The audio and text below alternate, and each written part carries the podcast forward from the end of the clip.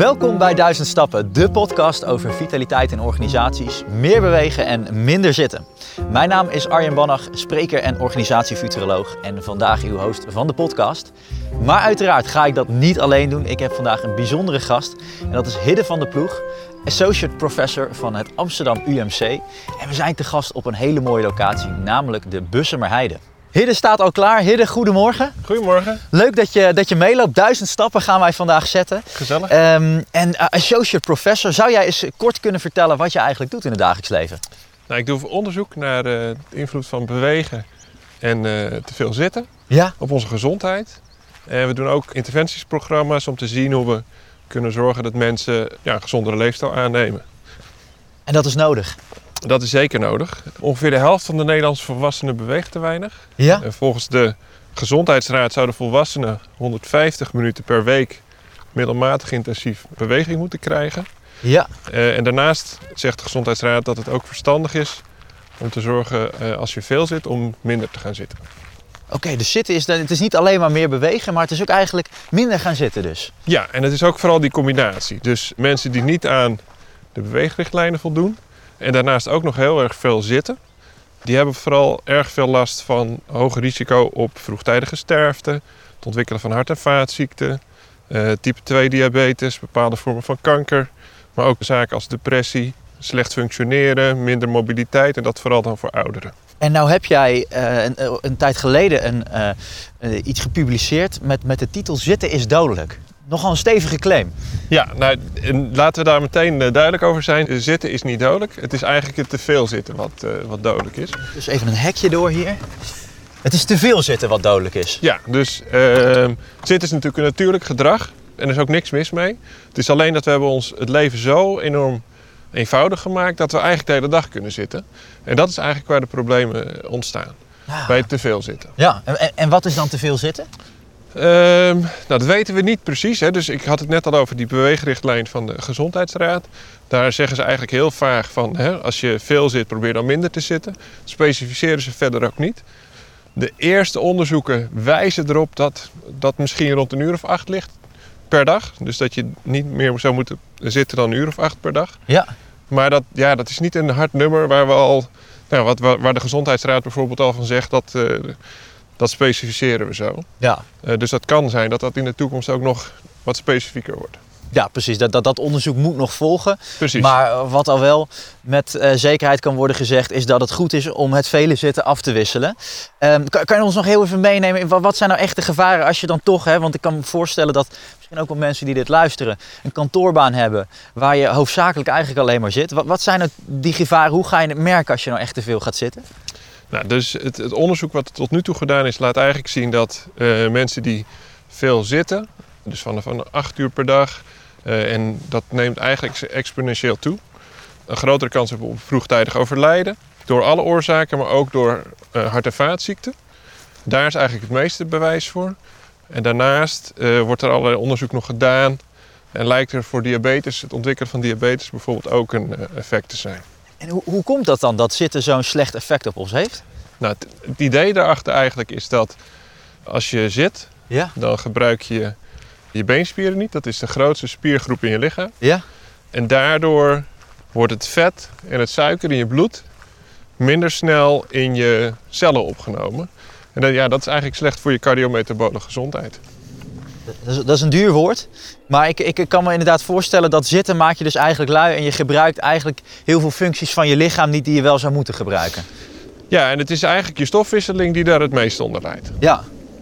Oké, okay, dus minder zitten. Wat is dan de oplossing? Nou, kijk, de oplossing is te zorgen dat je een goede balans hebt tussen zitten, staan en bewegen uh, door de dag heen. Ja. Het is ook niet, helemaal niet de bedoeling dat je ineens de hele dag gaat staan of de hele dag gaat bewegen. Maar het is juist die variatie uh, waarvan we denken dat die, uh, dat die belangrijk is. Dus als je een zittende baan hebt, nou, dan is het goed om te zorgen dat je af en toe een pauze hebt. Dat je een wandelingetje maakt, dat je even naar een collega toe loopt, dat je even naar de printer loopt of naar de koffieautomaat. Uh, een lekkere lunchwandeling misschien. Mm -hmm. En eigenlijk het belangrijkste voor mensen die heel veel moeten zitten voor hun werk, is te zorgen dat je in ieder geval aan die beweegrichtlijn voldoet. En ja, daarnaast toch ook probeert om dat, dat zitten te verminderen. Helder. En de oplossing is dus niet alleen maar nog gaan staan, want alleen maar staan, dat is dus ook niet de oplossing. Het zit hem in die variatie, zeg ja. je. En als je de hele dag staat, dan heb je ook weer grotere kans dat je last van je rug en je nek krijgt of zelfs spataderen. Dus de hele dag staan heeft eigenlijk ook weer consequenties voor je gezondheid. Ja. En het is juist die afwisseling waar we naar op zoek zijn. Ja. En nou hebben we het in duizend stappen ook over hè, specifiek ook wel de werkomgeving. Ehm, en eh, ik- kan jij nog eens even kort meenemen, wat zijn nou de, de grootste gevaren in de werkomgeving van te veel zitten? Waar, waar, waar, waar komt dat nou het meest in terug? Eh, nou, het meeste onderzoek focust zich op dit moment echt op die, hè, de meest voorkomende gezondheidsproblemen. Ja? En niet zozeer op wat er nou de, de acute effecten zijn van veel zitten. Ja, je hoort natuurlijk mensen wel zeggen eh, die bijvoorbeeld wat meer staand werken of eh, zelfs op zo'n eh, bureaufietsje zitten. Ja. Ja, dat ze daar wat meer energie van krijgen. Eh, En dat is dus ook goed, zo'n zo'n bureaufietsje. nou ja, dat, dat varieert wel weer per mensen. Oké. Eh, je moet het eigenlijk zo zien. Bewegen is een soort continuum Mhm. waarbij je van nou, lekker op de bank hangen voor de televisie helemaal naar zwaar intensief sporten gaat. Ja. En daartussen heb je dan eh, zitten achter je computer en hard werken voor die deadline. eh, staan achter die computer. Een wandelingetje maken zoals wij nu doen. Ja. Eh, een stukje fietsen. Inderdaad helemaal naar dat sporten toe. En elk stapje is weer net een stukje beter voor je gezondheid natuurlijk. En hoe groter dat stapje, hoe groter je gezondheidswinst. Ja. En dat is eigenlijk hoe je het moet zien. Dus we hebben natuurlijk wel richtlijnen. Ja. Maar dat betekent niet als je in plaats van 150 minuten 149 minuten doet, dat je heel veel slechter af bent.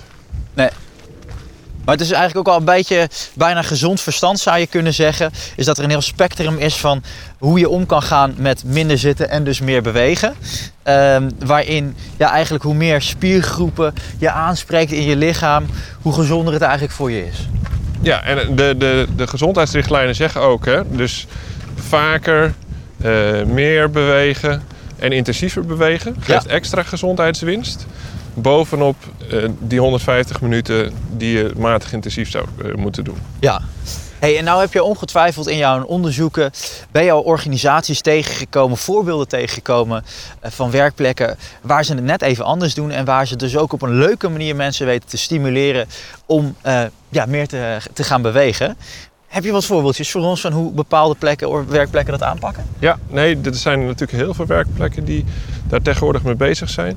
Eh Zit-staanbureaus zijn natuurlijk heel erg in trek. En, en die zijn dus ook goed volgens jou. Daar zijn, dat- ook daar wordt onderzoek naar gedaan. Ja. Kijk, het zorgt in ieder geval dat je minder gaat zitten. De vraag is een beetje, is staan dan voldoende om dat zitten te compenseren? Voor de afwisseling wel. Voor de afwisseling natuurlijk sowieso. Ja. En qua energieverbruik zit je net iets hoger dan dat je zit. Dus dat is ook positief. Uh-huh. En als je dus een redelijk groot volume van zitten vervangt door een redelijk groot volume aan staan...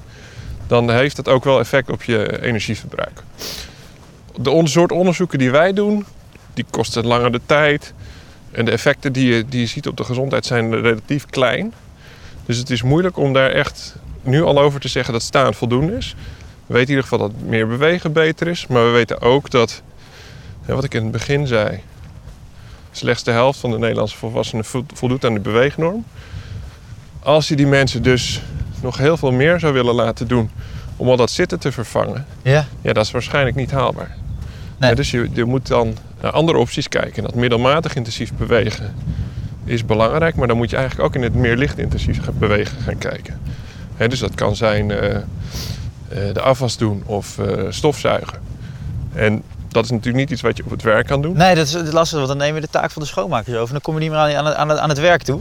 Nee, precies. En wat je dus op het werk wel kan doen, is die kleine tripjes. Hè, dus naar de printer, naar je collega lopen. Een staanbureau kan natuurlijk ook wel voordelen geven. Maar hoe groot die voordelen zijn, dat is op dit moment nog niet heel erg duidelijk. Oké, maar de, de oplossing moeten we dus zo- zoeken en niet zozeer het ineens enorm intensief gaan bewegen, maar vooral gedurende de werkdag door op zoek naar die kleine momenten dat je net wat meer beweging kan pakken dan waar je anders misschien een e-mailtje zou sturen naar een collega, loop je er nu heen. Ja, precies. Ja. Daar valt de winst te behalen. Ja. Oké, ehm, dan heb ik nog eh, wel, wel één prangende vraag. Want we komen echt richting de afsluiting. We zitten al eh, bijna op duizend stappen. Hè? Dat, dat is natuurlijk eh, het fenomeen van deze podcast. Nou vraagt het toch om een bepaalde gedragsverandering. En nou merken we dat als er iets moeilijk is om te veranderen, dan is het wel gedrag. Dus wat is nou wat jou betreft hè, als, als professor de manier om te zorgen dat ook mensen die aan het werk zijn hun gedrag zo gaan veranderen dat ze het ook echt daadwerkelijk gaan doen? Ja, nou, dat is natuurlijk de hamvraag, hè? want je hebt helemaal gelijk. Gedragsverandering is echt beren moeilijk. Ja, Ik denk de belangrijkste driver voor gedragsverandering is dat mensen iets doen wat ze leuk vinden. Of als het praktisch is. Hè, dus eh, op het moment dat je je realiseert eh, dat de beweging die je doet, ja, dat je daar plezier in hebt, dan, Ja. dan, dan is dat fijn. Hè, dus wat je vaak ziet is dat mensen aan het begin van het jaar goede voornemens hebben en ze gaan eh, naar de sportschool. Binnen zes weken zijn ze er wel weer klaar mee. Voor sommige mensen werkt dat natuurlijk goed hè, en die blijven dat doen. Maar een hoop mensen die, ja, die vinden het eigenlijk niet leuk. Ja. Dus je moet zorgen dat je iets doet wat je leuk vindt. Dus als je een wandelingetje op de hei leuk vindt, om de hond uit te laten of gewoon een gezellig gesprek te hebben of eh, een stukje te fietsen. eh, dat zijn natuurlijk allemaal manieren om wel je beweging te krijgen, ja. maar op een leuke manier, zonder dat het als huiswerk voelt. Eh, Hidde, als we gaan kijken naar organisaties, die hebben natuurlijk ook de wens dat hun medewerkers vitaal zijn. Voelen ze zich beter, ze presteren dan beter. Wat kan je nou als werkgever gaan doen om te zorgen dat mensen meer in beweging komen? Nou, mensen die echt een eh, zitbaan hebben, en, en- en vaak dan vooral bureaubanen, die hebben natuurlijk op hun dagelijkse plek niet heel veel keus dan, anders dan te zitten. Dus als je die mensen een mogelijkheid wil bieden om iets anders te doen dan zitten, nou, dan kan je inderdaad zorgen dat ze bijvoorbeeld zit-sta-bureaus hebben. Maar je kan natuurlijk ook hè, als eh, bedrijfscultuur een omslag gaan maken en zeggen: oké, staan tijdens een meeting of een wandelmeeting is ook iets wat, wat we gewoon normaal gaan vinden. En daar is denk ik de winst te halen. Mooi, dus het is ook hè, meer bewegen. We weten dat het belangrijk is, we doen het vaak niet. Wat is dan, ja, en het, is, het klinkt eigenlijk bijna eh, te simpel om waar te zijn, maar volgens mij is dat juist wel waar we naartoe moeten. Je moet gewoon iets gaan zoeken wat je leuk vindt, want dan heb je kans dat je het ook gewoon langere tijd gaat doen. Ja, precies. En die langere tijd is essentieel. Ja, dus als je echt gezondheidswinst wil hebben, dan is het niet een kwestie van een paar weken iets doen. Want als je daarna weer terugvalt, dan is de gezondheidswinst heel beperkt. ja, het is die lange termijn eh, gedragsverandering waar we naar op zoek zijn. mooi. Tot slot, Hidde, want we zitten op, eh, op de duizend stappen. Heb jij nog één tip, één tip die je mensen mee zou willen geven om eh, minder te gaan zitten en meer te bewegen? Wat, wat, wat zou de uitsmijter wat jou betreft zijn? Nee, de uitsmijter, en dat is denk ik voor, je, eh, om, voor je, iedereen om voor zichzelf te bekijken hè, hoe dat het best voor hem werkt. Maar is, is juist die variatie zoeken. Hè. Dus zorg dat je dat zitten, dat staan en dat bewegen door de hele dag afwisselt. En zorg dat dat voor jezelf praktisch is. Het liefst ook dat je het nog leuk vindt. En ja, dan zal daar gezondheidswinst bij komen. En tegelijkertijd bouw je een routine op ja, die normaal voor je wordt. Mooi, prachtig. Hidde, mag ik je danken voor je bijdrage? Ja, graag gedaan natuurlijk. Mooie wandeling zo. Absoluut. Oké, dat was hem dan. De podcast 1000 stappen. En ik heb het met Hidde gehad over vitaliteit in organisaties. En vooral hoe als je te veel gaat zitten het best wel schadelijk kan zijn voor je gezondheid. Ik heb er een paar mooie dingen uitgehaald. En voornamelijk de tip die hij als laatste meegeeft. Ga op zoek voor jezelf. En wellicht ook in combinatie met je collega's om te kijken hoe kan je nou dat minder zitten eigenlijk leuk gaan maken. Want je moet vooral iets doen wat je ook een beetje enthousiasmeert. En dan kan je ermee stoppen. Dan kan je minder gaan zitten en ga je uiteindelijk ook meer bewegen. En zoek dat vooral in de kleine dagelijkse routine. Want daar valt de grootste winst uiteindelijk te behalen. Maar doe het wel voor een langere termijn, want dan pas heeft het echt effect. Ik vond het mooi dat u heeft geluisterd. Als u heeft meegelopen, helemaal een compliment. Want daarom heet het natuurlijk ook de 1000 Stappen podcast. We zitten ondertussen al lichtelijk over de 1000 stappen heen. En we gaan door naar een volgende aflevering. Eh, en leuk als u daar ook weer bij bent. En voor nu nog een hele vitale dag toegewenst.